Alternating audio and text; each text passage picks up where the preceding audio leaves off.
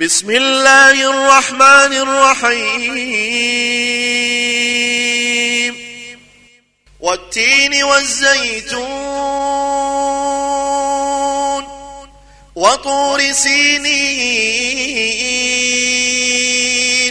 وهذا البلد الأمين. لقد خلقنا الإنسان في أحسن تقويم.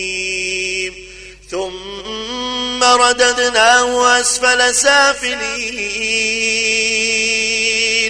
إلا الذين آمنوا وعملوا الصالحات فلهم, فلهم أجر غير ممنون. فما يكذبك بعد بالدين. أليس الله بأحكم الحاكمين؟